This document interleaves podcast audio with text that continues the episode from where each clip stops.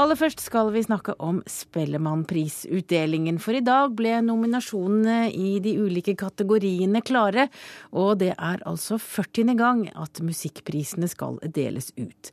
Debutanten Peder Losnegård, bedre kjent som Lido Lido, ble overrasket over å bli nominert til to priser for sin platedebut. For min egen del så tror jeg det er akkurat det der med, med, med litt sånn uh, bekreftelse på, på at uh, jeg gjør noe rett, og på at, uh, på at musikken min funker, da.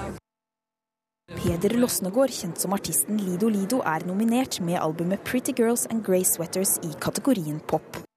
Det er veldig stort for meg. Det er andre år på rad. Så jeg er veldig fornøyd med å være nominert. Det bare viser at musikken min kommer, kommer ut, og folk liker den sier Admiral P. Hans låt 'Kallenavn' er i dag nominert til årets hit. Ja, Det er jo bekreftelse på at vi liker det man driver med, og det er jo veldig, veldig godt å få det. Hvordan skal dere feire i kveld? Brask og bram. Sitronbrus. Også Alexander Pettersen fra bluesbandet Billy T var fornøyd med nominasjonen for albumet 'Mobility'. Blant de nominerte i kategorien Årets nykommer var High As A Kite, og Øystein Skar i bandet tror en mulig pris kan bety mye. Mer oppmerksomhet på bandet, og at øh, det vil åpne noen nye dører. Nasjonalt og internasjonalt, forhåpentligvis. Ja, Det er i hvert fall lov å håpe. Reporter her var Jelena Kabo. Og Ole Jakob Hoel, du er kommentator og kulturjournalist i Adresseavisen. Hva mener du kjennetegner årets nominasjoner til Spellemann? Nei, det er litt vanskelig å si. Jeg har prøvd etter beste evne å bli litt forarga i, i, i, noen av kategoriene, og det er litt vanskelig. For med en gang eh, du ser noen du syns kanskje mangler én kategori, så finner du dem igjen i en annen en. Så det er litt sånn som Amandaprisen i gamle dager, at slapp av, alle får. Men Er det sånn at det gis ut så lite musikk i Norge at eh, alle får? Nei, det gis ut masse musikk, selvfølgelig, og det er mer enn noen gang. Så Sånn sett så er det, det er veldig mange som ikke får. Men alle som, som du venter å finne her på den lista, den, de er her, stort sett. Ja, Marie Kommissar, du er musikkmedarbeider her i NRK. Er det noen du savner på lista? Eh, det er jo enkelte artister som, eh, som, kanskje kunne ha vært eh, gjeldende på den lista. Men det handler veldig mye om eh, det, måte, hvilke format som er godtatt av Spellemann.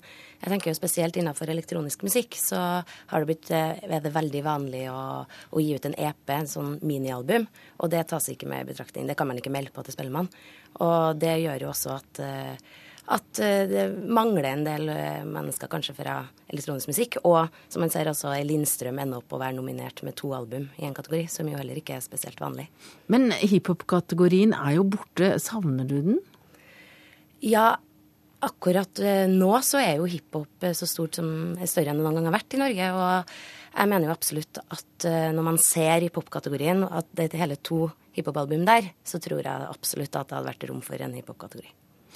Speiler nominasjonene den aller beste musikken som kom i fjor, Ole Jakob Hoel?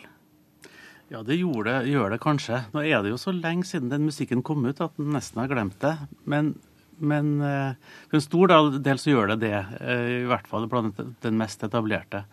Så har du jo det at, eh, at som du var inne på før her, at, at kanskje er dette albumformatet litt gammeldags. sånn at det er jo det er jo en pris som er tilpassa eh, et gammeldags system fra, fra, tida med hvor album var det eneste som gjaldt.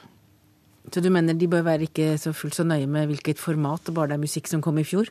Det er ikke så lett å si hva han bør, men at det er jo en brytningstid innenfor eh, formidling av musikk, og da, da blir det en del utfordringer. Men uh, Marie Kommissar, det er 19 kategorier. Bør det fjernes flere enn hiphop?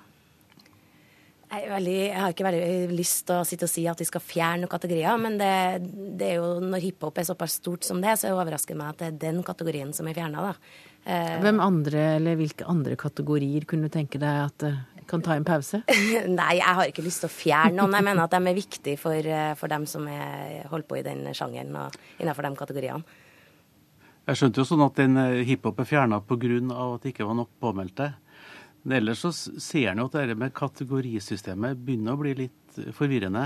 I pop så syns jeg nesten at de to hiphop-bidragene som, som passer mest til popkategorien. Mens ingen av countryplatene som er nominert, er egentlig rene countryplater.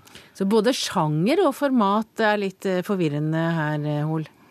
Ja, jeg syns egentlig det. Fordi at flere og flere artister jobber mellom sjangrene.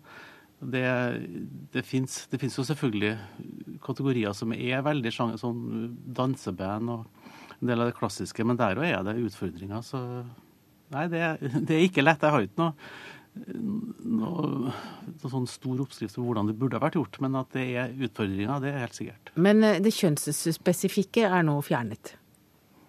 Man blir ikke lenger kvinnelig artist? Ja, og det er jo fint på én måte, men samtidig så var nå det greit, da. men det ble det jo reagert så kraftig mot, vel, at eh, ja da, de hadde ble... nesten ikke noe valg? Sånn var nå det.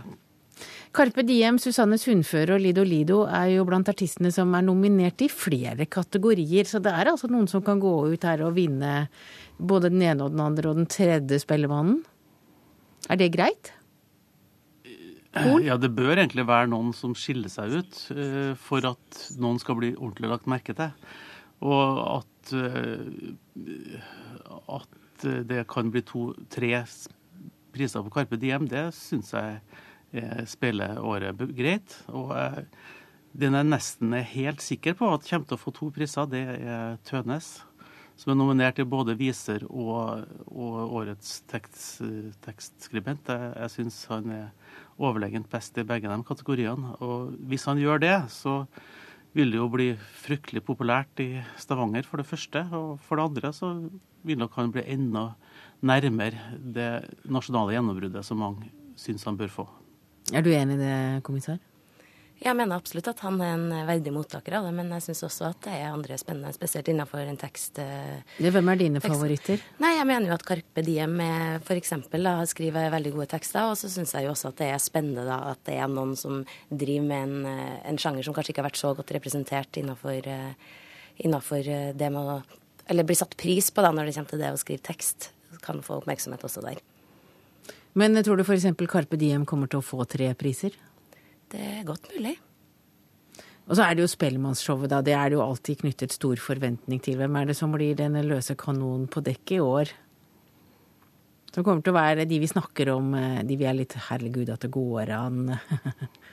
de som ikke oppfører seg helt etter normen. Ole Jakob Hoel, hvilke villmenn er det vi har? Nei, hvem har vi da? Jeg syns jo alle er så snille og hyggelige.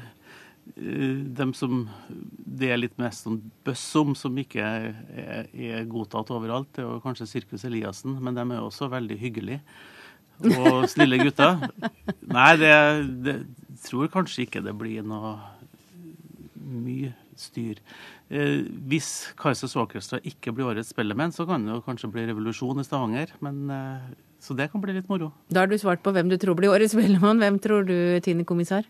Nei, Marie kommissar? Jeg tror det er en god mulighet for at uh, Kaizers kan, uh, kan, ta med seg den uh, hjem, ja. Ellers blir det revolusjon i Stavanger. Ja, men jeg tror også at f.eks. Susanne Sundfør kan ha en god sjanse for å være første kvinne på ti år. Ja, hun vil vel bli godtatt i Rogaland, han og hun da, for den del, så